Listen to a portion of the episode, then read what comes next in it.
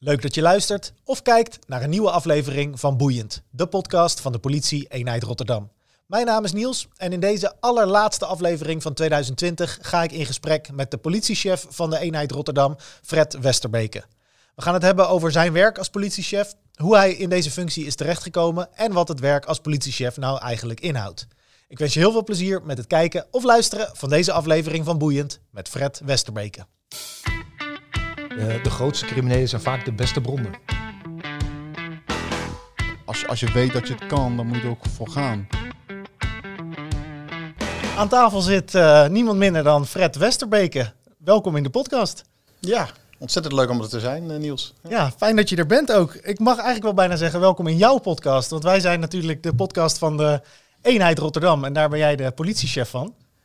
Ehm, de eerste vraag is, hoe word je eigenlijk politiechef?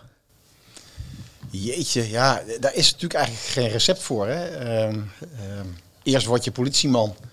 Eh, en eh, voor mij was dat eh, bijna, of nee, inmiddels iets meer dan 40 jaar geleden. En ik heb altijd met ongelooflijk veel plezier mijn werk gedaan in, in opsporing, in, in, in blauw. Maar ook in, zoals we dat grijs noemen, aan de recherchekant. Ehm, ja, je gaat je ontwikkelen.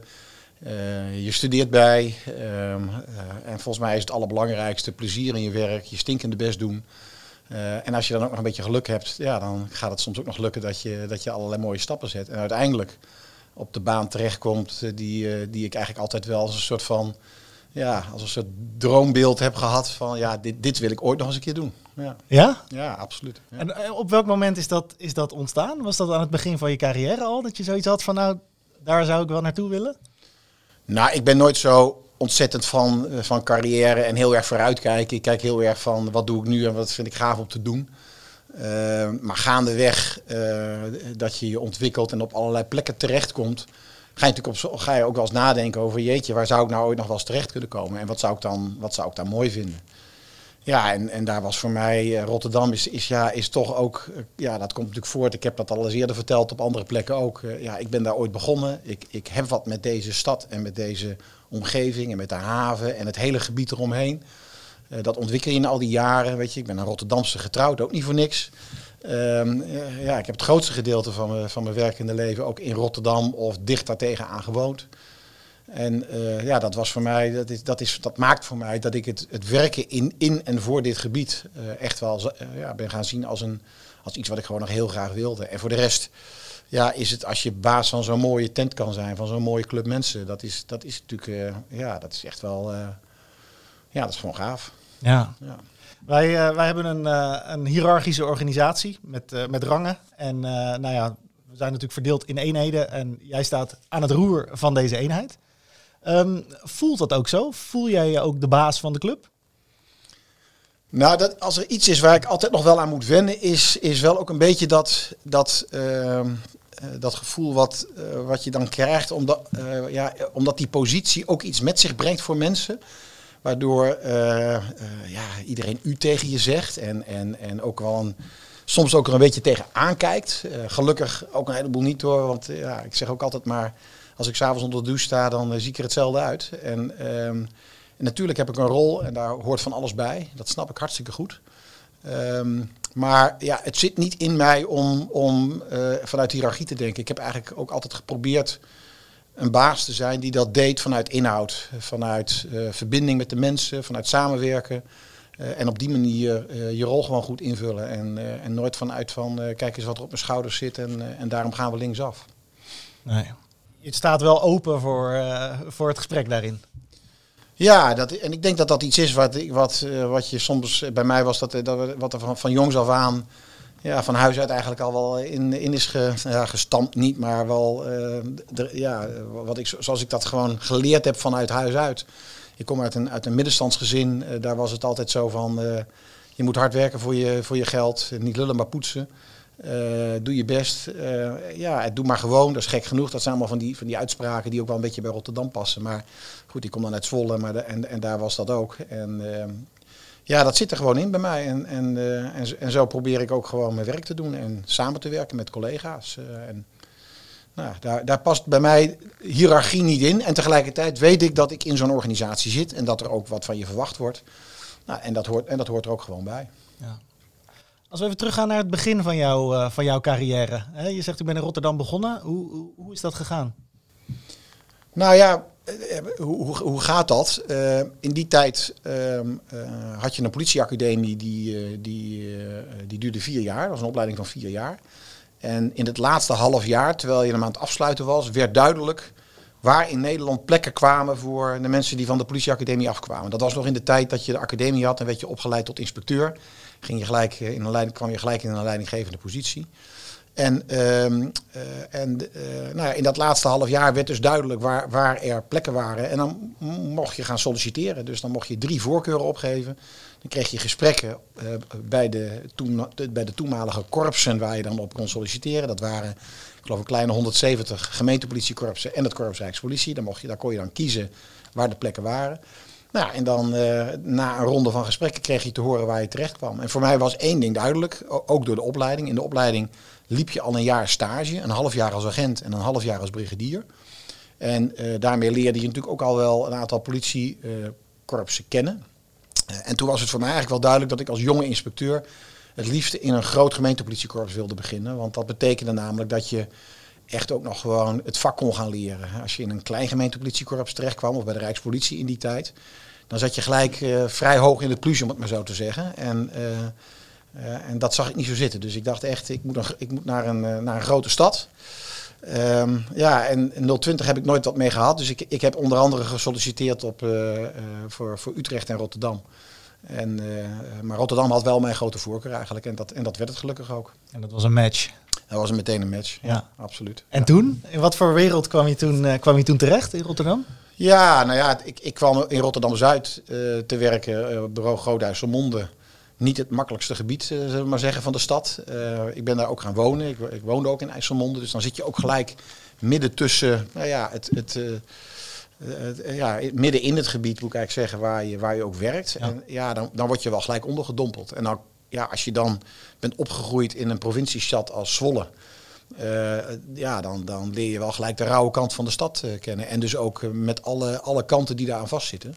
Dus de, de combinatie van een, van, een, ja, van een deel van een stad waar veel, veel problemen waren, um, veel achterstandswijken met, met alle bijbehorende problematiek. Um, maar, ook een, een, um, maar ook een gebied waarin natuurlijk het Feyenoordstadion lag, waardoor, ik, waardoor je met allerlei grote evenementen werd geconfronteerd. Dus het was, een, het was een, in die zin een fantastische plek om het vak te leren. En dan op enig moment dan wordt het tijd voor, voor een volgende stap. En dan, je bent nog een tijdje in, in onze eenheid gebleven destijds, toch? Jazeker. Ja. Ik, heb, um, ik ben toen in de avonduren ben ik rechten gaan doen. En, en ik, uh, en terwijl, en, ja, want dat, dat heeft wel mede bepaald waardoor ik daarna een aantal stappen ook heb gezet. Maar ik zat op Godijsselmonde, bureau Godijsselmonde. En toen werd voor het eerst de marathon van Rotterdam door de hele stad ge, uh, georganiseerd. Dus zowel aan de noord- als de zuidkant. En toen hadden ze van de van het bureau Motorbrigade hadden ze een projectteam nodig. Waarbij inspecteurs vanuit alle districten bij elkaar werden gebracht voor een week, voor een week tijd. Aan, aan het bureau Verkeerstechniek. Ik weet het nog goed, aan de straatweg. Daar hadden we daar toen nog een apart bureau. Uh, en, um, en wij moesten uh, die hele marathon voorbereiden met alle verkeersmaatregelen, de inrichting met verkeersposten. En dat was mijn eerste kennismaking met een aantal collega's van de motorbrigade. Er waren twee brigadiers die dat, die dat, toen, die dat toen trokken, dat, dat project. En daar zaten wij dan als jonge inspecteurs tegen aangeplakt om, die, om dat voor te bereiden. En uh, uh, nou ja, dat was, een, dat was een hele leuke tijd ook. En ook die marathon zelf, uh, om, die, om die te organiseren in die vorm. En toen is het zaadje geplant voor de overstap naar de motorbrigade. Want ik denk dat het nog geen jaar later was dat ik, dat ik inspecteur bij de motorbrigade werd. en dat was ook in, in Rotterdam? Of dat was, dat in Rotterdam, ja. maar het was zo dat je in die tijd als jonge inspecteur uh, was het zo dat ze het verstandig vonden dat je, ja, als uh, ik, was, ik, was, ik was nog 21 toen ik hier kwam, ja. Uh, dat je eerst gewoon eens op een aantal plekken ja, het vak ging leren. En dat is bij de uniformdienst en bij de recherche en bij een bijzondere tak van dienst. Nou, ik had 2,5 jaar uniformdienst erop zitten bij, bij Godijsselmonde. Nou, toen was ik toe aan mijn volgende stek. Dat, dat zou dan ook weer voor een anderhalf jaar zijn. En, nou, en dat werd dus de, de motorbrigade. En ja, dat was voor mij de volgende, mooie plek om, eh, om eh, ja, weer hele andere dingen Ja. te leren. En je hebt volgens mij twee maanden geleden nog op de motor gezeten weer, hè? Ja, ja kijk, da- dan wordt wel de, de liefde voor het motorrijden wordt er wel echt eh, ingebracht. Ik, ik, had, ik had nog geen motorrijbewijs. Overigens zeiden de rijinstructeurs in die tijd al, dat is ook het allerbeste. Je kan het beste mensen krijgen en opleiden bij de politie die nog niet hebben motorgereden. Nee, Hebben nog niet verpest zijn, ja. ben je nog niet verpest.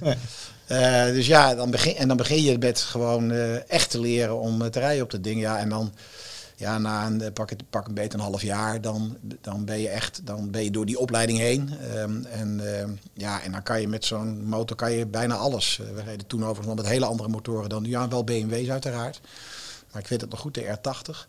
En, ehm, en maar het was ook een tijd dat je als inspecteur, chef motorbrigade, gewoon iedere dag op de, op de, de weg op ging. Ik, ik reed eh, eigenlijk gewoon iedere dag tenminste de ochtend- of de avondspits mee.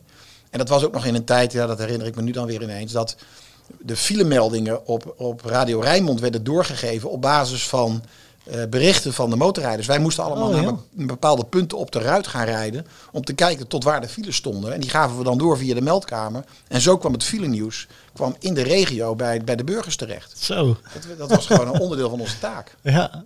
Ja. Andere tijden, hè? Andere tijden, ja, zeker. Ja. Ehm, je leeft denk ik als jonge leidinggevende een beetje in twee werelden. Aan de ene kant komt natuurlijk die hele politieorganisatie op je af en duik je in al het moois wat deze wereld te brengen heeft. En aan de andere kant moet je je natuurlijk ontzettend ontwikkelen om ook eh, sturing te geven en omgaan met personeel en collega's. Ja. Is dat voor jou in die tijd een, een zoektocht geweest? Was dat moeilijk? Nou, dat is, dat is zeker een zoektocht geweest. Ehm, wat ik zeg, je bent jong. Er lopen allemaal collega's om je heen die je vader kunnen zijn. Of die tenminste eh 10, 20 jaar meer ervaring hebben dan jij. En daar moet je dan ineens leiding aan gaan geven. Eh, en dat vergt wel, eh, ehm, ja, dat, dat vergt ook wel iets van de manier waarop je dat doet. Eh, en ik denk dat ik in die tijd ook wel echt geleerd heb om ja, niet binnen te komen en maar eens even te vertellen hoe het moest. Maar om juist goed te luisteren en, en proberen het overzicht te bewaren. Goed het contact met de mensen te hebben, in de gaten te hebben welke mensen ehm, het echt helemaal snappen. En welke ietsje minder. Waar, naar wie moet je wel luisteren, naar wie, wie moet je niet luisteren. En je ontwikkelt daarmee natuurlijk ook een eigen stijl. Ik moet wel zeggen, ik heb echt ontzettend veel geleerd van wat toen heette een vaderinspecteur. Dat was een doorbevorderde adjudant die nog inspecteur werd aan het einde van zijn loopbaan. Eh, dat bestond in die tijd. Dat, dat, eh, dat, dat, dat was, een, dat was een van de mogelijkheden om, nog, eh, om, om wel officier te worden zonder dat je dan de politieacademie had gedaan. En dat was Govert Koenders. Dat was echt een corrivee in, eh, eh, in, in, deze, of in, de, in deze eenheid en, en de toenmalige gemeentepolitie Rotterdam. Eh, en die heeft mij in het begin wel een beetje bij de hand genomen als een soort van, nou ja, eh, als een soort van, van coach of mentor zou ik kunnen zeggen. En die heeft mij in het begin wel echt een paar hele mooie wijze lessen meegegeven. Kan je daar een voorbeeld van geven? Ja, zeker. Ik, ik, eh, ik weet nog goed dat, eh, dat ik startte op Godijse Monden, want hij, daar werkte hij, eh, werkte hij zelf ook.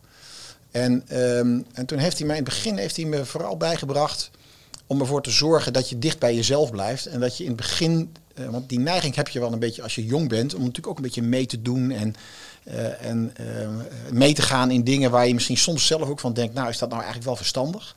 En hij zei altijd van, joh, weet je, de, de collega's die in het begin meteen super populair zijn, een jaar later haken alle mensen op hun af.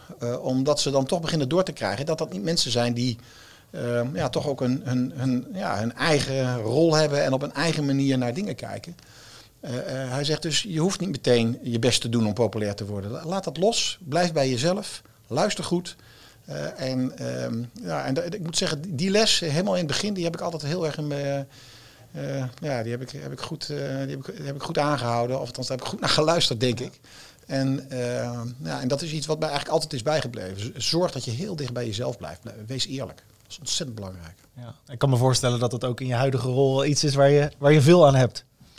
Ja, ik denk, ik denk dat. ehm, eh, kijk, politiemensen zijn, zijn over het algemeen mensen die ongelooflijk snel en goed doorhebben hoe iemand in elkaar zit. En, ehm, en, en, en ja, waar je, ja, hoe, hoe je bent. Dat, Ja. dat, daar hebben ze gewoon een neus voor. Maar dat is hun vak. Want als je op straat situaties moet inschatten, dan moet je in- heel snel moet je dat doorhebben. En dat is een enorme kracht van, eh, van politiemensen. En dat hebben ze dus intern natuurlijk ook. Eh, en ehm, eh, volgens mij hebben, hebben, hebben de collega's ontzettend snel door of jij een verhaal zit te houden eh, omdat je het moet houden of omdat het echt is. En dat is, Nou ja, eh, en dat probeer ik eigenlijk altijd wel te doen. Gewoon ehm, ja, eerlijk blijven en, en staan waar je voor wil staan. Ja. Ja. En dan komt er toch een moment in die dan al glansrijke carrière dat je zegt: ik ga weg bij de politie en ik ga mijn geluk beproeven bij het OM. Waarom? nou, dat is, dat is wel. ehm, nou, dat is een, eigenlijk in zekere zin een iets minder leuk verhaal. Want ik eh, had na de motorbrigade ben ik uitge- uitgezonden geweest bij het ministerie van Justitie. Twee jaar in het project tot de voor de invoering van de wet Bulder. Dus ik werd eh, voor dat projectteam eh, uitgeleend. Dat, dat had te maken met dat ik inmiddels mijn rechten had, eh, had afgerond. En ze graag iemand vanuit de politie wilden hebben die, die daar landelijk bij betrokken werd. En ik had dus twee jaar in dat project van alles gedaan. Heel veel, ook weer heel veel geleerd. Ehm, eh, het was een project vanuit het ministerie van Justitie waar we met mensen van het Openbaar Ministerie, van ehm, het op te richten CJIB, mensen van de rechterlijke macht. Nou in feite de voorbereiding van de invoering van die wet moesten regelen. Eh daar was echt veel voor te doen. En ik was klaar en ik kwam terug ehm, eh, bij, het, bij het korps. En ehm, ik had nou ja, mooie verwachtingen van, goh, wat ga ik dan hierna doen? Ja. Ik zou een gesprek krijgen met, eh, met de toenmalige korpsleiding. En ik had dat gesprek en, en toen vroeg ik, goh, wat is, wat is jullie bedoeling? Waar, waar, wat wordt een eventuele volgende stek voor mij?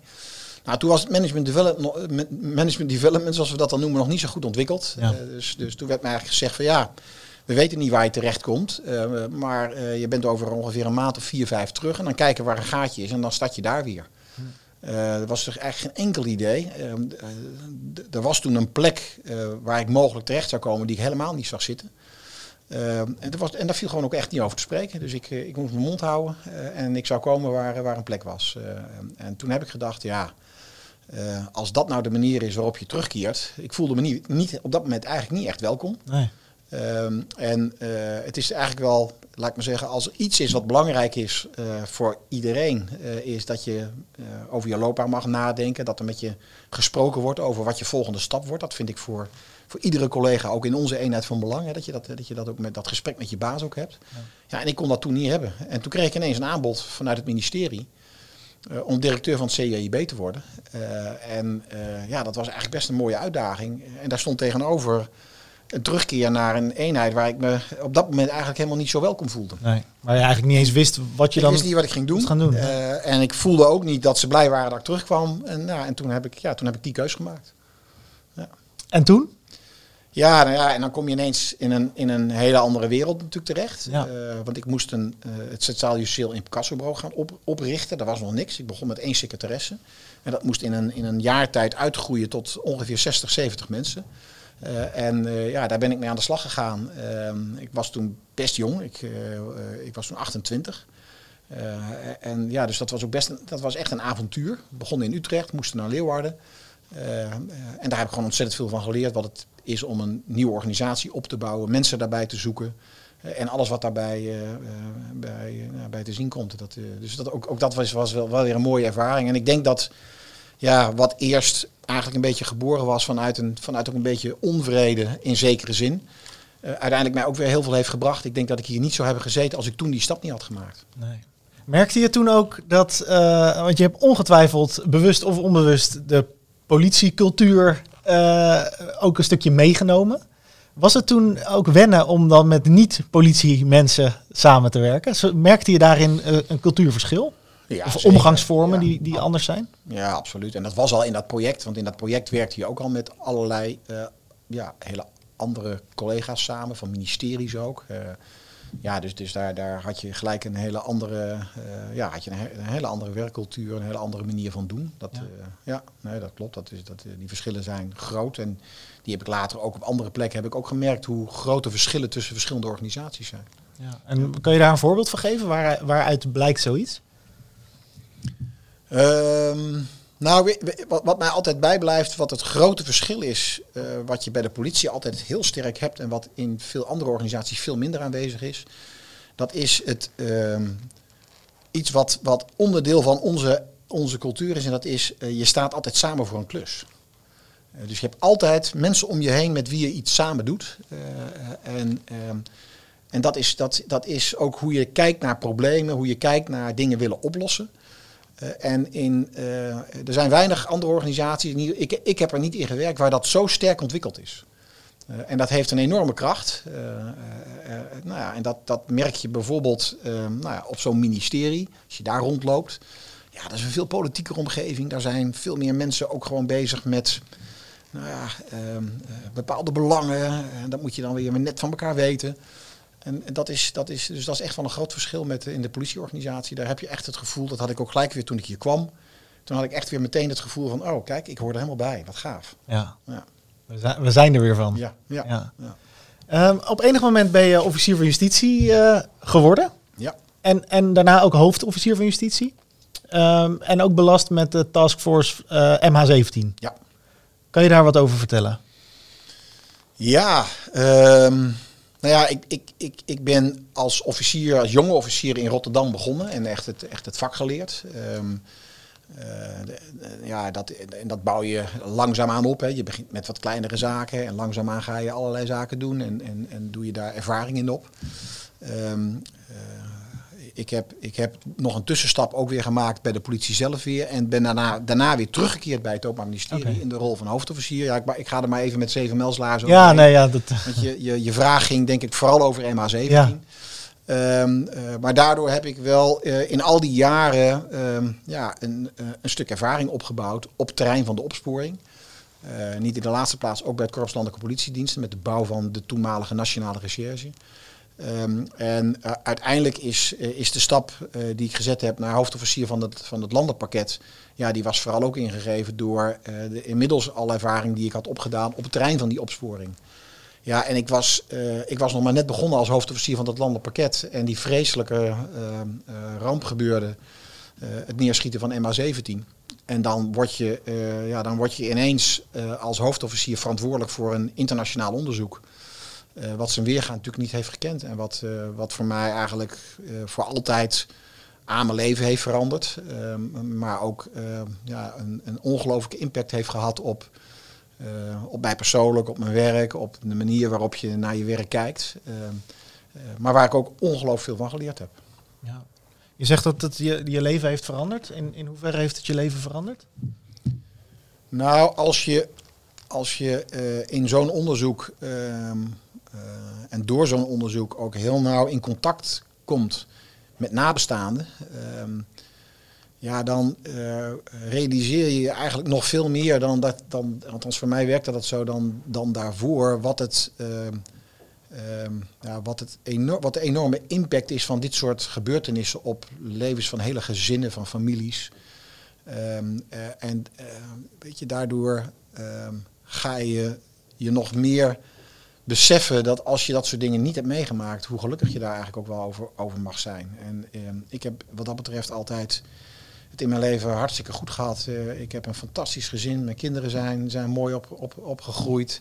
Zijn, één is er aan het werk en één is in de afronding van de studie bezig. Altijd gezond geweest. Ja, weet je, dat, dat, ehm, je dat realiseren. Het klinkt, ja, we zitten vlak voor de kerst. Het, het klinkt ehm, als een, aan de ene kant als van ja, natuurlijk is dat zo. Maar dat echt doorvoelen omdat je geconfronteerd wordt met zoveel leed. Ja, dat, dat, dat is bij mij, ehm, eh, ja, heeft, dat, heeft dat heel veel gedaan, eh, moet, ik je, moet ik je zeggen. In die, in die zes jaar dat ik leiding gaf aan dat onderzoek. En dus heel veel nabestaanden gesproken heb, overal in de wereld. Ja. ja. Hoe kijk je daar nu op terug? Ehm, ja, het eerste wat in mij opkomt is, is eh, en dat is natuurlijk heel, heel gek, maar ook wel dankbaar. Dankbaar dat ik dit onderzoek heb mogen doen. Eh, eh, en dankbaar voor al die collega's die daar ongelooflijk veel mooi werk in hebben gedaan. Want het is echt, ik heb daar eh, collega's zo betrokken. En ja, wat je trouwens bij de politie natuurlijk altijd aantreft. Maar misschien was het in dit onderzoek nog, nog- een treetje meer. Ook, ook gewoon door de hele setting. Enorm prachtig vakwerk, ehm, eh, wat, we, wat we daarin hebben laten zien ook. Maar ook ontzettend veel geleerd eh, in, ehm, eh, in, alle, in alles wat in dat onderzoek moest plaatsvinden. Want het was een onderzoek waar je allemaal dingen moest gaan doen die nog nooit bij de Nederlandse politie überhaupt in een onderzoek hadden plaatsgevonden. Doe maar eens een onderzoek naar raketsystemen. Nee, ja. Dat, is, dat, dat ken je niet. Ehm, eh, dus, dus ja, een, een heel mooi, eh, krachtig team met, met, goede, met een hele goede teamleiding erop, die er, die er tot op de dag van vandaag ook nog mee aan het werk zijn. En, en het, het allermooiste vond ik eigenlijk wel het, eh, het signaal wat we van de nabestaanden kregen, wat aan mij werd uitgereikt. Hè. Ik kreeg, eh, ik kreeg een, een, een, ehm, een koninklijke onderscheiding. Eh, en ik heb dat ook altijd, dat heb ik ook meteen gezegd, ja, die kreeg ik wel, maar die was voor dat hele team. En, Ja. en niet alleen het Nederlandse, maar het internationale team. En dat was misschien wel de, ja, de, het, het mooiste blijk van uiteindelijk na die vijf, zes jaar het vertrouwen wat we van de, van de nabestaanden kregen. Dat, we, dat ze ook echt besef hadden dat wij, dat wij alles uit de kast hadden gehaald om, om voor hun duidelijkheid te verschaffen over wat er met hun dierbaren was gebeurd. Bijzonder ook dat het dan met zo'n onderscheiding, eh, Ja. bijna, ja, ik zou bijna zeggen bekroond wordt. Maar het, Ja, ja. het is natuurlijk, natuurlijk een, een, een onderzoek geweest met ontzettend veel leed. Dus om dan te zeggen van een bekroning ja. daarop is misschien niet, ja, daarom zei ik ook, dat is heel moeilijk om Ja. eigenlijk te zeggen dat je dankbaar bent voor iets wat heel erg is. Ja. Want de aanleiding is vreselijk. Maar dat is natuurlijk wel ons vak. Eh, ons vak is dat wij, eh, eh, dat wij eh, ons vak gaan uitoefenen nadat er vaak nare dingen zijn gebeurd. En dan moeten wij zorgen dat we klaarheid brengen, dat we de waarheid aan het licht brengen, dat wij mensen ter verantwoording laten roepen. En, en, in die zin zijn wij vaak met leed van anderen bezig, maar in ons vak is dat dan de uitdaging. En, eh, nou ja, ik moet, ik moet nog. maar wat ik blijf houden is, ik voelde me heel ongemakkelijk dat ik die onderscheiding kreeg. Omdat het, omdat het, het echt het werk van een, heel, van een, van een enorm team is geweest. Wat, Ja. wat, maar goed, ik heb hem ook gelijk opgedragen, uiteraard, aan de, aan de hele club. Want zo, zo, ja, zo was het ook echt. Ja.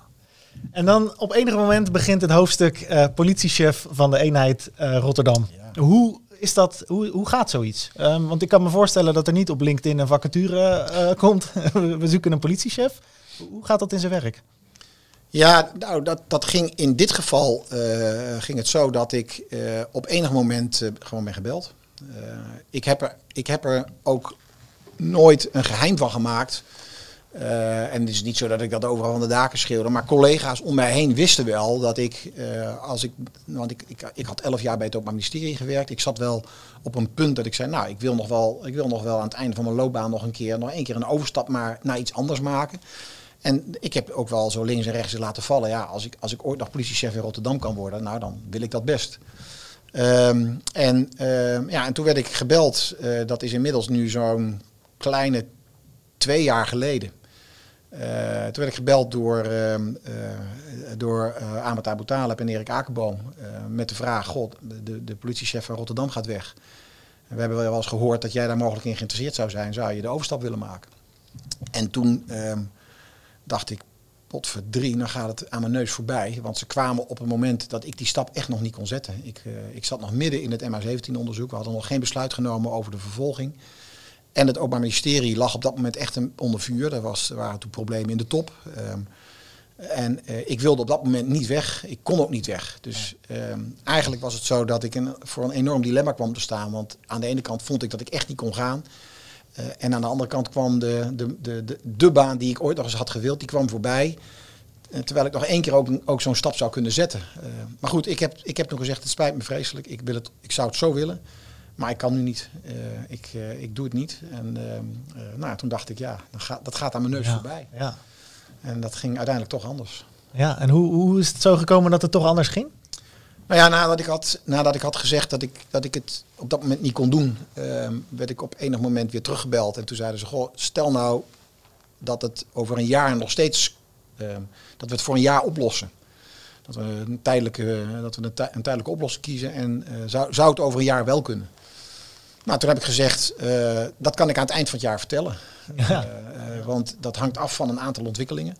Ehm, maar eh, als het aantal ontwikkelingen gaan zoals ik hoop, dan, zou ik, dan kan ik eh, in december, en dat was dus een jaar geleden, kan ik dat zeggen. En zo is het ook gegaan. Eh, ik heb, eh, begin december heb ik, eh, vorig jaar heb ik, eh, heb ik gezegd, nou, ehm, het, eh, ik wil de stap eh, zetten, het kan nu. Ja. En toen, eh, toen was het dus toch rond. En toen, eh, maar dat was voor mij echt een verrassing, eh, dat, ze, dat ze een andere oplossing kozen om, eh, nou om, toch, eh, om toch die gelegenheid... eh, Wat een eer. Ja, ik vond het echt ik Ja. vond het geweldig. Ja. Ja, absoluut. Ja. Dan kan ik me zo voorstellen dat je er toch niet aan ontkomt om bepaalde verwachtingen mee te nemen naar het zijn van de politiechef. Ehm, zijn er verwachtingen die toch anders bleken te zijn nu je dit werk e- even doet? Nou, zo niet. Ik, ik, eh, ik ben altijd wel een beetje van de, van, de, van de school, of zoals ik het zelf... Ik stap ergens in en dan ga ik, ga ik het gewoon weer ervaren. Ja. Ehm, dus het was voor mij, eh, ik ben, ben weet je, ik, ik, was, ik had, was elf jaar had ik buiten de politie gewerkt. Ik had de, het hele na- de nationalisering van de politie had ik alleen maar vanaf de zijkant meegemaakt. Eh, de hele verandering van het functiehuis.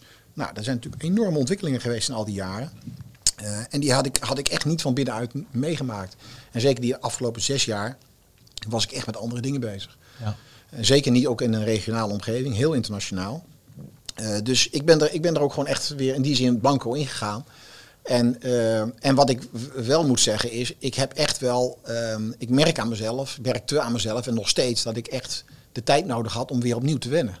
En niet zozeer aan het vak en aan de mensen, maar aan de organisatie. Want er is zoveel veranderd. En, en voordat je weer een beetje eh, je, we- je weg weet te vinden in de organisatie, weet bij wie je voor wat moet zijn. Ehm, ja, het duizelde mij aan functies, OSA's, OSB's, operationeel experts. Ik had geen idee, ik, ik kende alleen maar politieinspecteur. Ja. En wat doen die dan precies en hoe verhoudt dat zich allemaal en hoe zit dat dan met leiding? En nou, ik begin dat langzamerhand een beetje te snappen, maar ik vind het nog steeds ingewikkeld. Ik vind dat we best een ingewikkelde structuur op een aantal punten gebouwd hebben. Ehm, ook wel eentje met veel kansen hoor, maar, maar eh, nou, dus, dus ehm, ja, voordat je dat allemaal begint te begrijpen weer. Nou, dat, dat, ik begin nu, ik ben nou hè, de- drie kwart jaar bezig, ik begin nu langzamerhand te, te merken dat ik, dat ik weer wat overzicht begin te krijgen. Maar ik heb echt wel, eh, ik heb echt tijd nodig eh, om de diversiteit ook van dat vak weer te gaan overzien. Kijk, ik had hiervoor, was ik baas van een tent van 250 man- mensen, weet je. Dan floot ik op mijn vingers en dan kwam iedereen naar de kantine en dan had ik Ja. iedereen bij elkaar. Ja. En nu heb ik 6.500 mensen, weet je, verdeeld over, door, een, door een heel gebied, verspreid werkend eh, in een 24-7. Dus dat is, het is eh, qua leidinggeven ook weer een heel ander vak. Of je aan 250 eh, professionals leiding geeft die bijna allemaal een universitaire opleiding hebben. Eh, of aan 6.500 mensen met een, met een hele andere achtergrond en ook een heel ander vak. Dus, dus het is ook echt wel weer, weer ja, het moet echt wennen. En daarbinnen ook nog allerlei uitdagingen en verschillende kleinere problemen en grotere problemen. En hè, heel, een grote diversiteit ook aan, eh, ja, aan leiderschapsuitdagingen, kan ik me zo voorstellen. Ja, zeker. Eh, dus, dus het is. en, nou, en, dat, en dat gecombineerd natuurlijk met het, met het jaar waarin ik moest starten, waarin je, waarin je door corona eh, eh, niet kan kennismaken zoals, zoals je dat het liefste zou willen. Ja. Eh, dus, nou, dat, dat, dus dat was echt, dat was in die zin ook echt zoeken.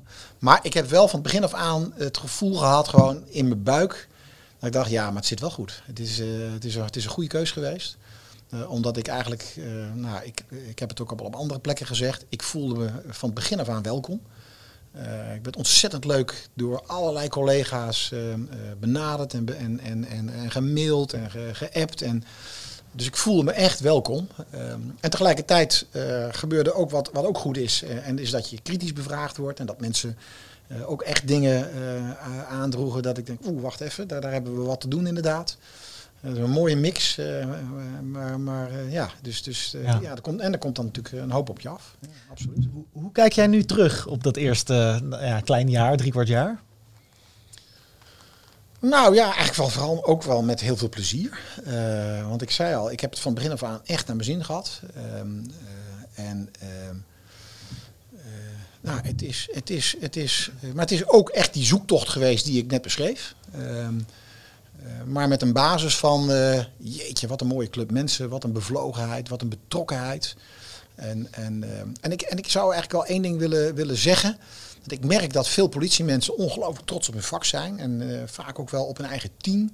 Maar best wel kritisch op de organisatie. Eh, over het algemeen, als ik het een beetje, een beetje zwart-wit verwoord, dat hoor je wel zeggen. Hè, dat mensen zeggen, nou, ze zijn trots op een organisatie, maar ze zijn niet zo trots op een, eh, of ze zijn trots op hun werk, Ja. maar niet zo trots op een organisatie.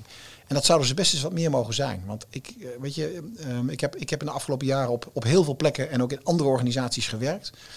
En he- heel veel dingen hebben we toch best wel goed voor elkaar hoor.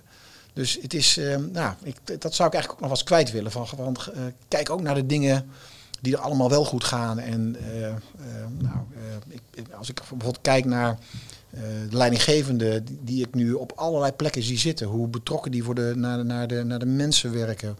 En hoe die bezig zijn met, met hun team. Om, eh, of eh, met, met het team waar ze verantwoordelijk voor zijn. Om daar wat van te maken. En daar was ik ook heel blij dat de, de laatste memo ook echt laat zien dat we natuurlijk nog veel werk te doen hebben. Maar ook echt een stap vooruit hebben gezet in het vertrouwen in leiding, in het vertrouwen in de organisatie. Dus dat, dat de collega's dat ook beginnen te zien. Dat is, dat is heel belangrijk, vind ik. Ja, eh, en voor de mensen die niet weten wat de memo is, dat is de, de medewerkersmonitor. Ja, die is volgens mij drieënhalf jaar geleden een keer geweest en eh, zeer recent eh, weer. Ja, klopt. Is dat voor jou dan ook een belangrijk meetinstrument? Eh, dat is, een, ja, dat is een, ze- een, zeker een belangrijk meetinstrument. Want dat is, dat is iets wat iedereen anoniem eh, volledig vrij kan invullen. Er is, eh, het grootste gedeelte van onze mensen heeft het ook ingevuld. bijna 70% Dus daardoor krijg je een hartstikke goed zicht. Ja. En het is, een, het is een hele mooie graadmeter voor ja, hoe zitten mensen er nou eigenlijk bij? Waar moeten we aandacht aan gaan besteden? En ik vind het dus ook in het kader van de ontwikkelingen van deze eenheid. eh, eh, iedereen kent inmiddels de term. Hè, we, we willen een politie voor iedereen zijn. En dat betekent dat je binnen. eh, dat, dat, dat er een politie voor iedereen moet zijn. Dat mensen zich goed voelen in de organisatie. Dat ze zich, dat ze zich daar prettig voelen. Dat ze hun verhaal daar kwijt kunnen. Dat ze zich daar kunnen ontwikkelen. Nou, je krijgt door dit medewerkerstevredenheidsonderzoek krijg je een hartstikke mooi beeld per team nou, hoe dat erbij staat. En waar we eh, gewoon nog werk te doen hebben. En eh, we- daar gaan we wat mij betreft ook echt serieus weer werk van maken. Hoe we de stap die nu gezet is weer verder kunnen zetten. En eh, hoe we er voor de collega's kunnen zijn. Zodat zij hun werk buiten gewoon maximaal goed kunnen doen. Ja. Het is een bijzondere constatering hè, dat dan de, de, de burgermaatschappij, de buitenwereld, eigenlijk in sommige gevallen positiever naar de politie kijkt dan de politiemensen Ja. zelf naar de politie kijken. Nou weet je, het is voor een deel wel begrijpelijk. Kijk, dat van die buitenkant, ik heb ook dat wel eens eerder gezegd in, in andere interviews ook. Er is geen enkele overheidsorganisatie waar de Nederlandse burger zoveel vertrouwen in heeft als de politie. Dat blijkt Ja. gewoon ieder jaar uit het onderzoek van het WODC en die kijkt daarnaar. En eh, ze hebben meer vertrouwen in de politie zelfs dan in de rechterlijke macht. Ehm, eh, zeg ik altijd maar als voorbeeld. Eh, en, dat is, en, dat is, en dat is dus eigenlijk ook gewoon de kwaliteit die de collega's op straat laten zien. Ja. Dat is geweldig. Ehm, eh, eh, dus dat, nou ja, dat, eh, laat me zeggen, die trots, die mogen we dan ook op onze organisatie wel hebben. Want dat doen we ook met z'n allen. Ik denk wel dat veel collega's ehm, dat, dat minder trots op die organisatie, dat dat ook wel een gevolg is geweest van al die reorganisatieperikelen. Je hoort natuurlijk toch nog veel collega's spreken over de tijd waarin ehm, de verbanden kleiner waren. Dan maakte je onderdeel uit van een, van een, van, ja, van een team of een groep district ja. of van een, van een, van een, ja, van een korps. Wat nog net even de grootte had, waardoor je je iets meer verbonden voelt. En, en, en ja, die, die, ehm, die ontwikkeling naar nationale politie, ja, daar moet je, daar moet je met z'n allen weer een nieuw evenwicht in vinden. Dat hebben we nog niet helemaal. Nee. Maar dat vind ik wel een grote uitdaging voor mezelf om daar de komende vele jaren aan te werken. Want ik, voor mij is er, is er één grote stelregel. Als de collega's zich eh, binnen goed gewaardeerd voelen en het gevoel hebben dat ze maximaal ondersteund worden, dat ze hun werk. Weet je, dan, bereik, dan bereiken we buiten de allerbeste resultaten. Eh, en daarom vind ik dat ook zo belangrijk. Ja. Als er nou collega's zijn die hier naar luisteren en die, eh, en dat is een vraag die ik ook zelf, nou ja, eigenlijk meer had des, eh, in mijn vorige functies. Maar wat kan jij in je rol nou concreet betekenen voor de collega's op straat? Want er zit soms nogal een, een, Ja. een grote kloof tussen. Nou ja, dat, dat, dat zit, eh, uiteindelijk zit dat in eh, de vraag of ik eh, van deze eenheid met de leiding ervoor zorg dat, dat die situatie ontstaat. Dat die collega's zich ook gewoon gehoord voelen. Dat ze goed ondersteund worden. Dat ze de spullen hebben waar ze het werk mee kunnen doen. dat ze leiding krijgen op een manier die past bij wat in onze organisatie nodig is. Ja. En daarin moet ik het goede voorbeeld geven. Daarin moet ik laten zien wat belangrijk is. Als ik dat al niet laat zien, dan ga je dat ook in de rest van de organisatie minder makkelijk zien. Eh, dus ja, ik heb daar wel gewoon ook het, het, ja, wat ik zeg, het goede voorbeeld te geven. Eh, en ik, eh, en ik ja, en het is, daar, het is belangrijk dat ik daarin, en dat doe ik niet alleen, hè, dat doe ik met de hele eenheidsleiding en dat doen we met het EMT. Maar ik weet dat er ook, ja, ook altijd zo een beetje naar de eenheidschef wordt gekeken. Eh, eh, en, dat, en dat realiseer ik me donders goed. Dus, dus ze mogen mij erop aanspreken of ik dat goede voorbeeld geef. Of ik de aandacht geef aan de dingen, aan de dingen die, eh, die nodig zijn. En dat betekent niet dat we altijd alles meteen kunnen regelen waar, eh, wat mensen graag willen. Dat, want ja, we zijn soms ook gebonden door, door wetgeving, door, door geld, door, door andere dingen. Maar dan hebben ze in ieder geval recht op uitleg waarom iets niet gebeurt of op een andere manier gaat. Eh, maar daar, daar mogen ze mij op aanspreken. Dat ze eh, uiteindelijk, eh, nou, dit, is, dit zijn banen die moet je voor een jaar of, ik zeg altijd een jaar of vijf, zes willen doen. Om echt een, een, een, een stap te kunnen zetten met, Ja. met z'n allen. Nou, dan mogen ze mij over een jaar of vijf, zes nog eens een keer aankijken en zeggen, nou, is het je nou een beetje gelukt of, Ja. of niet? Ja.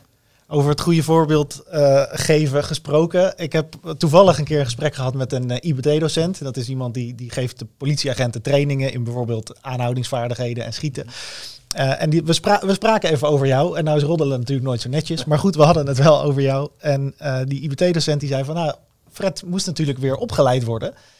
Ja. Um, en nou, daar waren we even mee aan het stoeien. Want moeten we dan de politiechef een soort van verkort heropleidingstraject geven? Nou, daar was eigenlijk iedereen was het erover eens. Nee, je gaat gewoon mee. Alles wat elke politieagent moet kunnen, moet je ook kunnen. Want jij bent net zoals ieder ander gewoon uh, getraind en bevoegd. Um, en die IBT-docent die vertelde mij dat jij heel erg vaardig bent als het gaat om aanhoudingstechnieken en uh, de schietvaardigheid en dat soort dingen. En ik merkte ook meteen dat daar een soort van, nou ja, een soort broederschap in zat. Van ja, dat het, dat het je siert, dat je dat ook belangrijk vindt om daar vaardig in te zijn. En nu heb ik begrepen dat jij ook wel regelmatig ook diensten meegaat en mee wil draaien en onderdeel bent van, uh, van de operatie. Kan je daar wat over ja, vertellen? natuurlijk. Ja, kijk, ik vind het ongelooflijk belangrijk om uh, zelf dat vak ook te blijven uitoefenen. Want A, daar ben ik ooit voor naar de, naar de politie gegaan. Daardoor heb ik ook zicht op wat er in de organisatie omgaat. En overigens, dat geldt niet alleen voor de wijkteams of blauw, maar dat geldt ook voor bij, bij de recherche en dat geldt bij de ondersteuning. Dus ik wil graag overal rondkijken en, en meedraaien en, en zien wat er gebeurt. Uh, dat vind ik ook leuk gewoon, dat je, uh, ja, je, je ontmoet de collega's, je hoort dingen die je anders misschien toch ook soms dus niet hoort. Dus het is ook een manier om, om in de gaten te hebben, ook vanuit, ja, vanuit eigen waarneming, hoe dingen ja. gaan.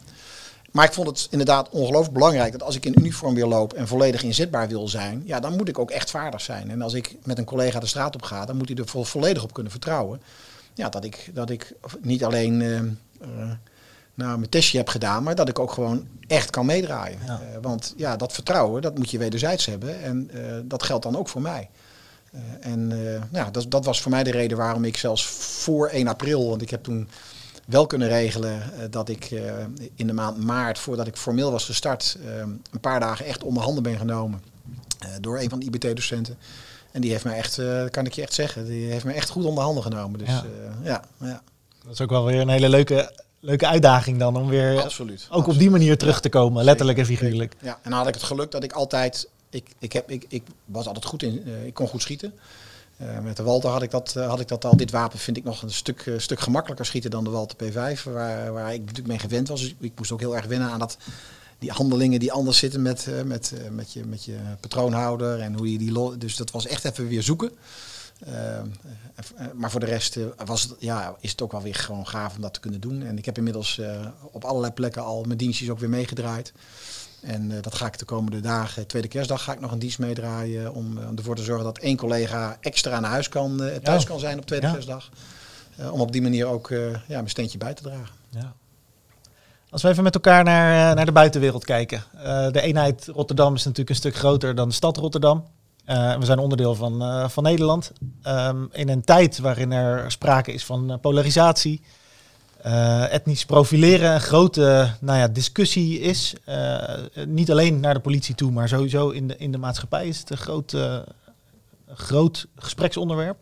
En natuurlijk corona. Um, in hoeverre heeft dat jouw eerste, nou ja, zeg maar acht maanden politiechef zijn... Um, nou ja, gekleurd? Nou, behoorlijk. Want het, je komt natuurlijk binnen in een, in een periode uh, dat het zowel voor binnen als buiten uh, ja, heel anders moet gaan en gaat. Uh, in ons werk enorme verschillen, geen grote evenementen. en aan de andere kant heel erg een stap naar voren moeten zetten om alles rondom de coronamaatregelen te, om, om, om die te handhaven. Wat we natuurlijk in het voorjaar hebben gezien. Uh, en inmiddels is dat alweer zoveel maanden terug. En, en is dat weer bijna ook een beetje vergeten. Maar tegelijkertijd staat het nog heel dichtbij. Hè, de, hoe, de, hoe lastig de collega's het hebben gehad in de parken. Om daar op te treden en dat op een, op een goede manier te doen. Um, waarbij ze dan ook inderdaad er tegenaan liepen dat er onmiddellijk allerlei verwijten werden gemaakt. Um, en um, uh, ja, dus dat heeft, dat, heeft, uh, dat heeft een aantal dingen wel echt nou ja, uh, scherper gemaakt. Je merkt ook dat dat ook in de samenleving zijn effect heeft gehad. Uh, de hele uh, BLM-discussie, die natuurlijk ook voortkomt door eh, door het overlijden van, van Floyd in, in Amerika, bij die aanhouding. En, nou, en, dat, en dat maakt dat je als politie ook verder onder druk komt te staan en dat, er nog, dat je nog meer onder het vergrootglas komt. Maar ik zeg ook altijd ehm, dat het belangrijk is dat we als politie eh, in staat en bereid zijn om goed in het gesprek met die samenleving te blijven. Ook met die mensen die misschien soms ons verwijten maken die niet kloppen, maar die in hun beleving er wel zijn. Uh, en soms zijn er ook verwijten waar wij soms van zeggen, ja, dat is niet helemaal waar, maar dat, dan moeten we toch nog maar eens goed kijken of het niet waar is dat er ook een andere kant aan het verhaal zit. Want je kunt, uh, het kan heel goed zo zijn dat je niet de intentie hebt gehad om iemand te discrimineren of om iemand etnisch te profileren. Terwijl het heel goed kan zijn dat de ontvanger aan de andere kant dat wel zo ervaart. Dat gesprek moeten we wel echt aangaan.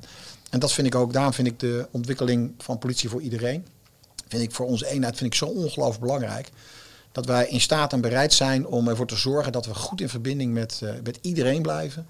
Dat we heel zorgvuldig in ons optreden blijven. Dat we ons toetsbaar opstellen. Uh, dat we in staat en bereid zijn om er nog eens naar te kijken. Het gesprek daarover aan te gaan.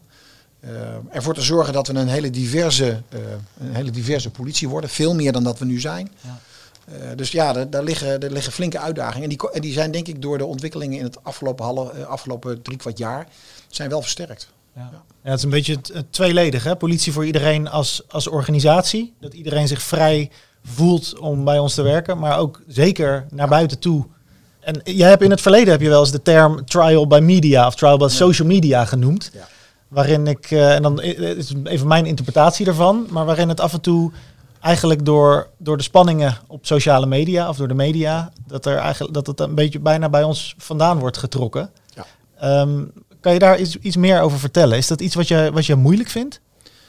Nou, wat ik daar vooral wilde doen, uh, uh, is. Um, kijk, bij, die, bij het je toetsbaar opstellen als politie hoort, vind ik, ook zorgvuldigheid. En die zorgvuldigheid hoort ook bij de media.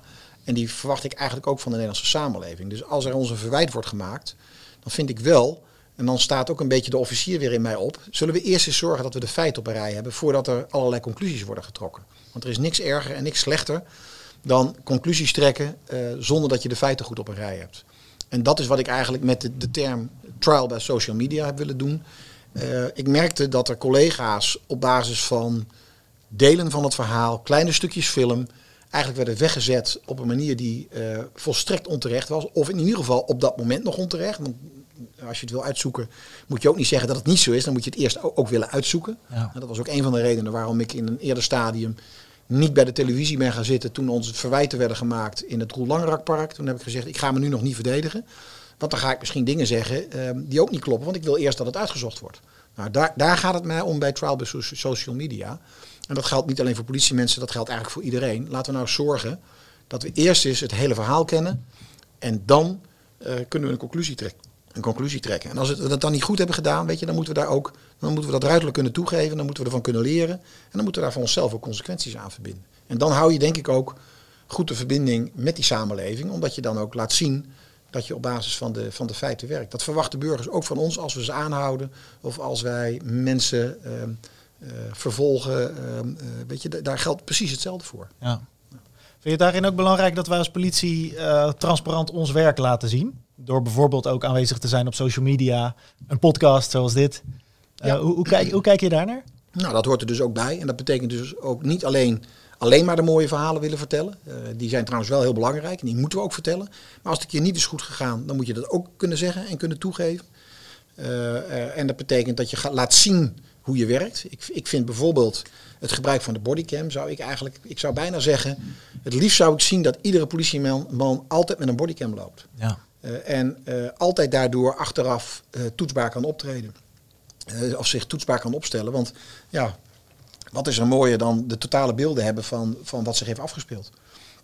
Dus dat is nog wel een, nou, dat is voor, voor mij nog wel een van de dingen dat ik denk, nou, als ik nou nog in de toekomst mag kijken en het zou ons lukken om, om dat te organiseren, zou ik eigenlijk wel heel erg mooi vinden. Ja. Ja, en wat dat betreft leven we ook in een mooie tijd. Hè? Deels heb je natuurlijk de, de negatieve effecten, als ik ze zo kan benoemen, van bijvoorbeeld social media. Maar tegelijkertijd hebben we natuurlijk ook alle technische middelen en alle kansen die we nu ook als politie kunnen, kunnen pakken om, om nog meer die verbinding juist aan te gaan. Um, even, want je zegt even in de toekomst kijken. Eh, als we even in de toekomst van Fred Westerbeke kijken in onze glazen Ja. bol. ehm, wat, zijn, wat zijn dingen die voor jou erg belangrijk zijn om in de aankomende jaren aan te gaan pakken? Of mee aan de slag te gaan? Nou, er is een, er is een, er is een soort van, begint zich een, een soort agenda af te, af te tekenen. Eh, en niet alleen in die van mij, maar eh, dat doen we echt als eenheidsleiding als, en als managementteam van deze eenheid. Eh, en dan begin ik toch weer even te benoemen waar we het al twee keer over hebben gehad. Politie voor iedereen. Eh, politie voor iedereen aan de, zoals je net al terecht zei Niels, aan de binnenkant en aan de buitenkant. Dus zorgen dat we die organisatie zodanig ontwikkelen eh, dat onze mensen echt maximaal hun werk goed kunnen doen, zich goed voelen. en aan de andere kant buiten het werk op een verrekte goede manier doen. Dat is één. Een tweede belangrijk thema voor ons vind ik dat we de ontwikkeling van de opsporing echt nog, eh, dat we daar enorme slagen in moeten maken. En dat is niet omdat het nu niet goed is. Ik vind dat er veel te lang ook is gesproken over dat die opsporing, dat het allemaal. Nederland loopt internationaal, durf ik echt te zeggen. Dat kan ik, en dat kan ik zeggen op basis van mijn ervaring, loopt internationaal op vele fronten voorop. Wij doen echt ongelooflijk mooi werk op dat eh, terrein. Of het nou is op het terrein van de ondermijning, op het gebied van de high impact crime, de, de zwaardere vormen van criminaliteit waar burgers last van hebben. Eh, maar ook op het terrein van cyber. Maar we zien op dit moment een enorme transitie in die, in die criminaliteit. Waarbij de traditionele vormen, zoals woninginbraken, de straatroven, de overvallen, dat is de afgelopen jaren enorm teruggelopen. En dat is mooi, hè, want dat betekent dat, dat burgers daar minder bang voor hoeven te zijn. Maar er komen andere dingen voor terug. Want ehm, heel veel mensen worden bestolen via het internet, via een telefoon, eh, door allerlei vormen van slimme fraudes. En daar hebben we nog, nog niet helemaal het antwoord op. Dus ik vind dat we die, in die switch moeten wij in onze ontwikkeling echt nog, nog eh, een enorme stap zetten. Ehm, eh, we zijn al eh, aardig bezig in die opsporing ook steeds meer na te denken over niet alleen maar boeven vangen, maar hoe voorkom je nou dat criminelen en criminele samenwerkingsverbanden op een bepaalde manier dat, dat, dat foute geld kunnen blijven verdienen. Dus op een andere manier ook zorgen dat je daar, een, ehm, ja, dat je daar als, als het ware een wal tegen opwerpt. Dat Nederland niet meer zo interessant is om, om dit soort strafbare feiten te plegen. Daar hebben, we, daar hebben we nog echt een grote slag te maken. Dus in die opsporing, ehm, en dat vraagt in die opsporing echt voor de komende jaren voor onszelf een, een, nou, echt een enorme ontwikkeling nog. Eh, dat, dat, dat zijn we de houtskoolschets gaan noemen. Eh, en in die houtskoolschets staat eigenlijk dit wel een beetje kort samengevat beschreven. Dat we eh, de ontwikkeling van het specialisme, de ontwikkeling van alles op het gebied van datagebruik, ehm, eh, de hele digitale kant van het werk, de financiële kant van het werk, dat we daar nog meer in moeten ontwikkelen. Eh, dus ik geloof dat, dat dat een tweede belangrijke eh, opdracht voor onszelf is. Eh, in die opsporing nog meer effectiviteit bereiken. Eh, en eh, de derde grote opgave voor de komende jaren is gewoon de, het, het, ja, ik zou bijna zeggen, het overleven van de periode waarin we gewoon met tekorten te maken hebben. Ja. We hebben een eno- enorme onderbezetting en eh, we hebben een enorme klus om ervoor te zorgen dat, het, eh, dat we het werk wel op een fatsoenlijke manier kunnen blijven doen. Dat collega's gezond en, eh, eh, ja, en eh, ja, goed inzetbaar blijven. En daar heb ik echt wel zorgen over. We zitten wel net door het dieptepunt heen, denk ik. Ik denk dat, dat vanaf het komend jaar weer langzaamaan iets gaan stijgen in onze, in onze sterkte. Maar we komen echt honderden mensen tekort. En, en, en, en moeten, mogen heel veel mensen opleiden. Dat kost veel. en Dat kost ook heel veel capaciteit. En, en die fase moeten we met elkaar zien door te komen. En dat is, vind ik, een, een derde belangrijke klus voor de komende jaren. Om dat, om dat op een fatsoenlijke en goede manier in deze eenheid te doen.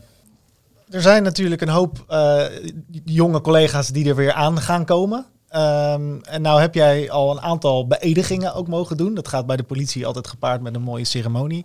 Eh, en daar heb jij altijd een, een, een stukje wat je, wat je ook vertelt, ook over jezelf, maar ook over hoe je deze eenheid ervaart. En wat me daar wel is bijgebleven, eh, is dat jij op enig moment hebt gezegd: jongens, fouten maken, dat mag. Sterker nog, eh, dat is goed, want daar leer je van. Als je er maar eerlijk over bent en als je maar bereid bent om ervan te leren. Ja. Dat, dat, dat is, is me wel bijgebleven dat Ja. je dat zegt. Ehm, vind je dat belangrijk? Dat dat, dat, Ja. dat is hoe collega's eh, in, hun, in hun baan staan? Of eigenlijk in hun leven staan misschien wel?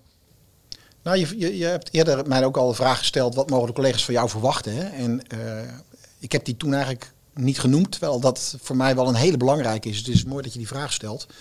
Ik vind het inderdaad ongelooflijk belangrijk dat iedere collega in deze eenheid ehm, zijn werk doet vanuit het vertrouwen dat hij weet dat als hij zijn stinkende, hij of zij zijn stinkende best eh, of haar stinkende best doet, dat je inderdaad een fout mag maken. Eh, eh, dat je, en dat je dan niet, dat je, dat je dan niet vervolgens met, met het zwaard of zo.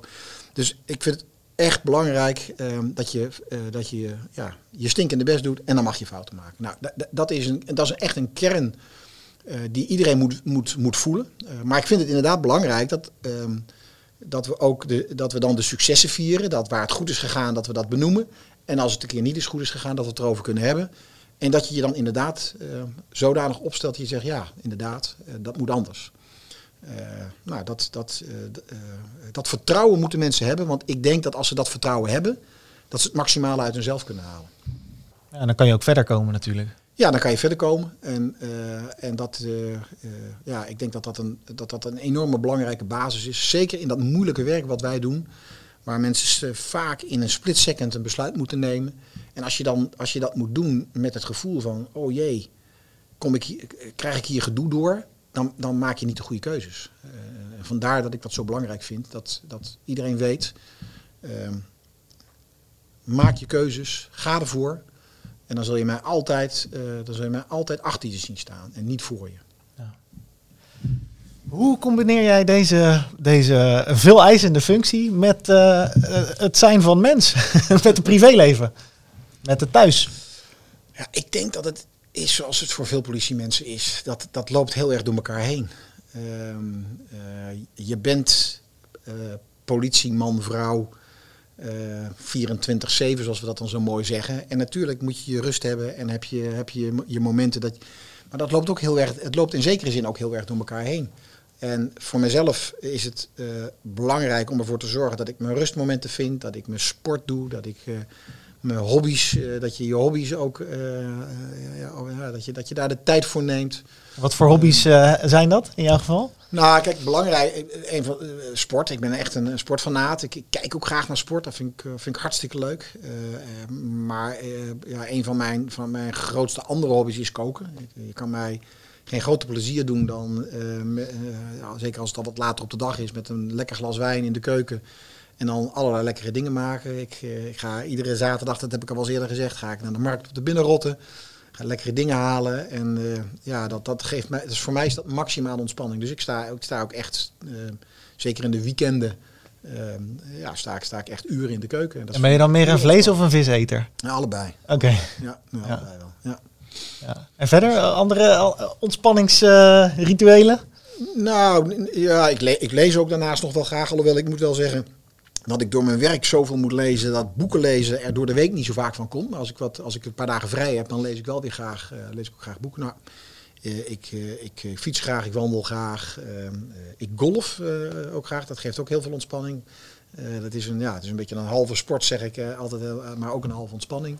Ja. Dus ik heb genoeg dingen waar, die, mij, die mij de ontspanning geven die ik, die ik nodig heb. En tegelijkertijd ja, is de realiteit dat in een baan is waarbij ja, iedere, ieder moment van de dag kunnen er dingen gebeuren dat je echt even nodig bent. Ja. En, eh, dan moet je er ook willen zijn. Nou ja, want je zegt, hè, zoals elke politieman en vrouw eh, dat heeft, ben je 24-7 politieagent. Maar ik denk toch wel dat het bij jou zeker boven gemiddeld is dat het werk echt wel aan je blijft kleven.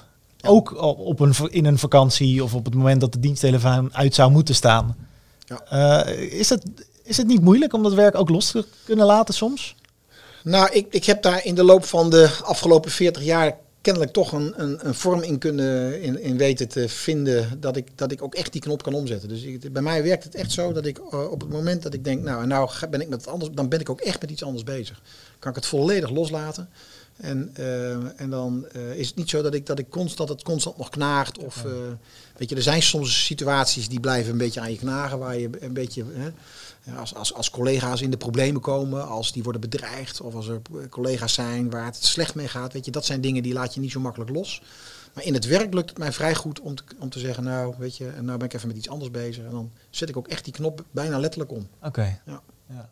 Dat moet je wel leren, denk ik. Ja, dat, eh, dat, dat, heb, ja, dat heb ik ook in al die jaren gewoon geleerd. Ja. Eh, Wat is nou iets, eh, want ik hoor je dat zeggen, van er zijn wel dingen die aan me knagen. Wat, wat kan je een voorbeeld noemen van iets wat je nou echt, waar je, nou ja, wat je bij wijze van spreken slapeloze nachten zou kunnen bezorgen? Wat zijn dingen die jij nou echt moeilijk vindt, die blijven hangen?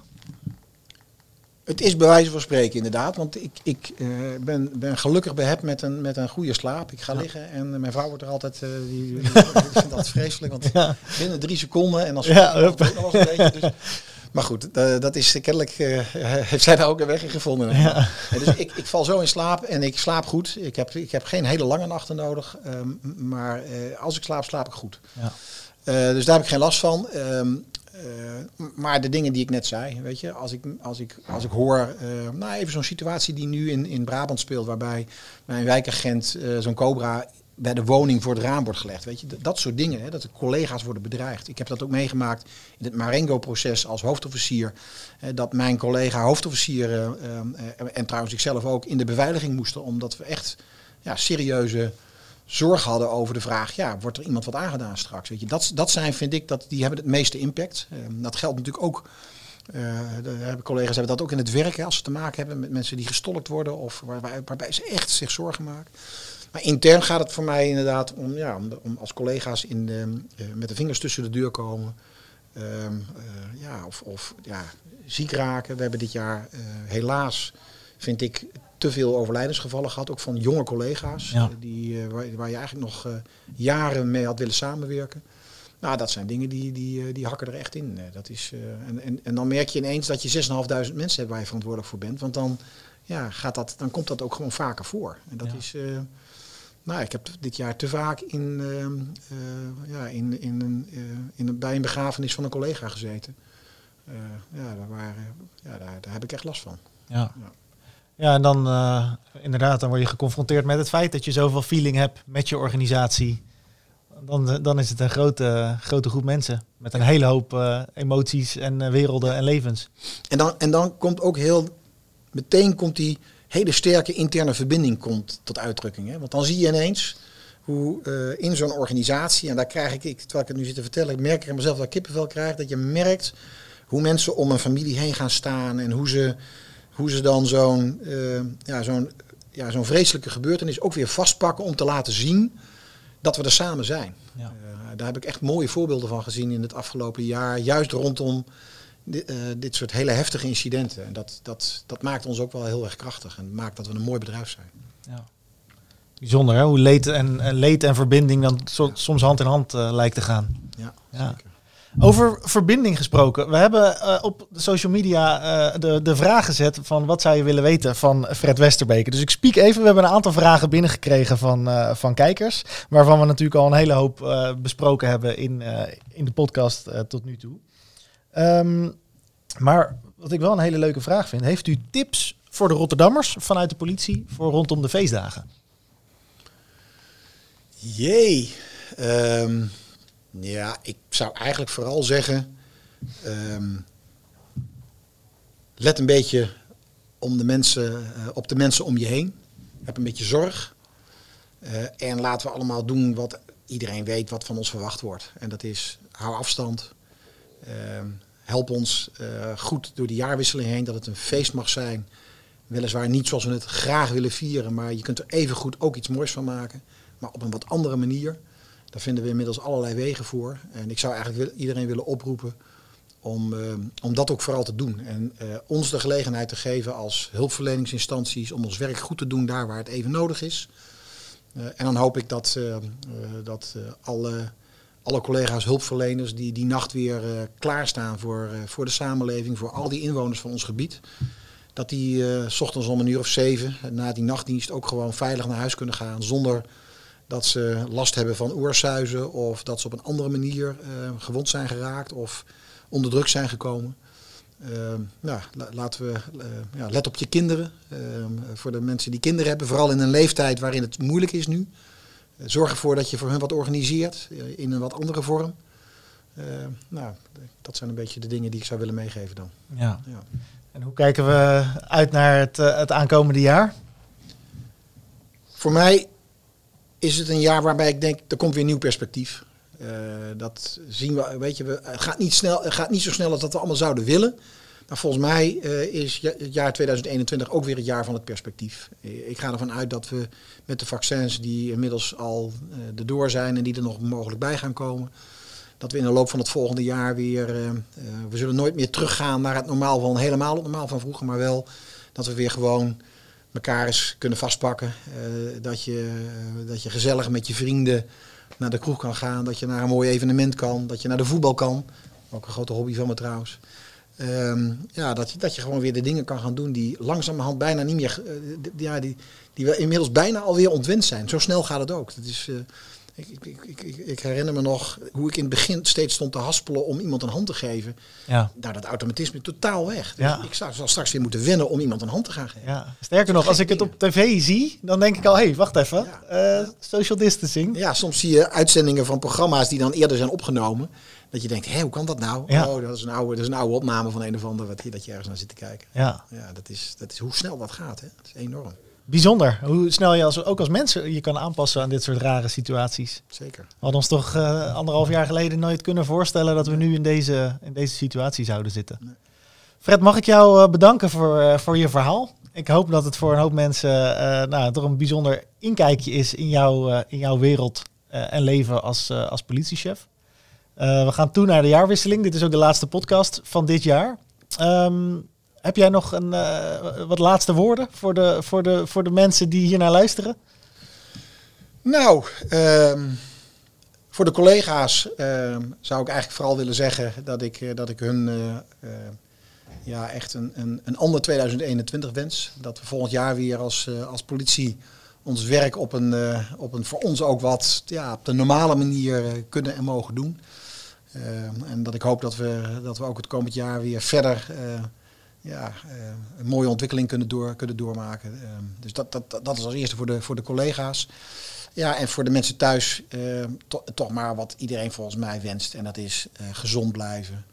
Eh, fijn met je, met, je, met je vrienden en je familie weer, een, weer een nieuw jaar ingaan. En, en hopen dat we inderdaad volgend jaar nou, in een, ja, weer in het, in het nieuwe normaal terecht kunnen komen. Ik denk dat iedereen dat wenst. En eh, dat, ik denk dat dat het mooiste is om dat dan toch maar, eh, om dat maar mee te geven. Nou, eens gelijks. Ik eh, hoop dat ik namens de collega's mag spreken om jou in ieder geval ook tot nu toe al te bedanken voor, jou, voor al jouw taken en alle bergenwerk die jij verzet als, als politiechef. En in ieder geval hele fijne dagen gewenst. En we zien elkaar in het nieuwe jaar. Zeker. Fred Westerbeke, dankjewel. Graag gedaan. Bedankt voor het luisteren of kijken naar deze aflevering van Boeiend. Ik hoop dat jij het net zoals ik een interessant gesprek vond. Dit was de laatste podcast van 2020, maar wees niet getreurd. In het nieuwe jaar gaan we gewoon door met het maken van nieuwe podcasts. Mocht jij nou een onderwerp heel graag voorbij willen zien komen, stuur dan even een berichtje via social media of in de comments op YouTube. En dan gaan we zeker kijken of we ook jouw onderwerp voorbij kunnen laten komen in de podcast. Vergeet sowieso niet te abonneren op ons YouTube-kanaal of in je favoriete podcast-app. Dan blijf je op de hoogte van wanneer er weer nieuwe podcasts online willen komen. Mijn laatste boodschap voor de luisteraars is een hele fijne en veilige en ondanks alle maatregelen prettige jaarwisseling en alle beste wensen voor in het nieuwe jaar. En voor alle collega's die moeten werken, stay safe, fijne dienst en we zien elkaar in 2021. Bedankt voor het luisteren naar Boeiend en we zien elkaar in de volgende aflevering.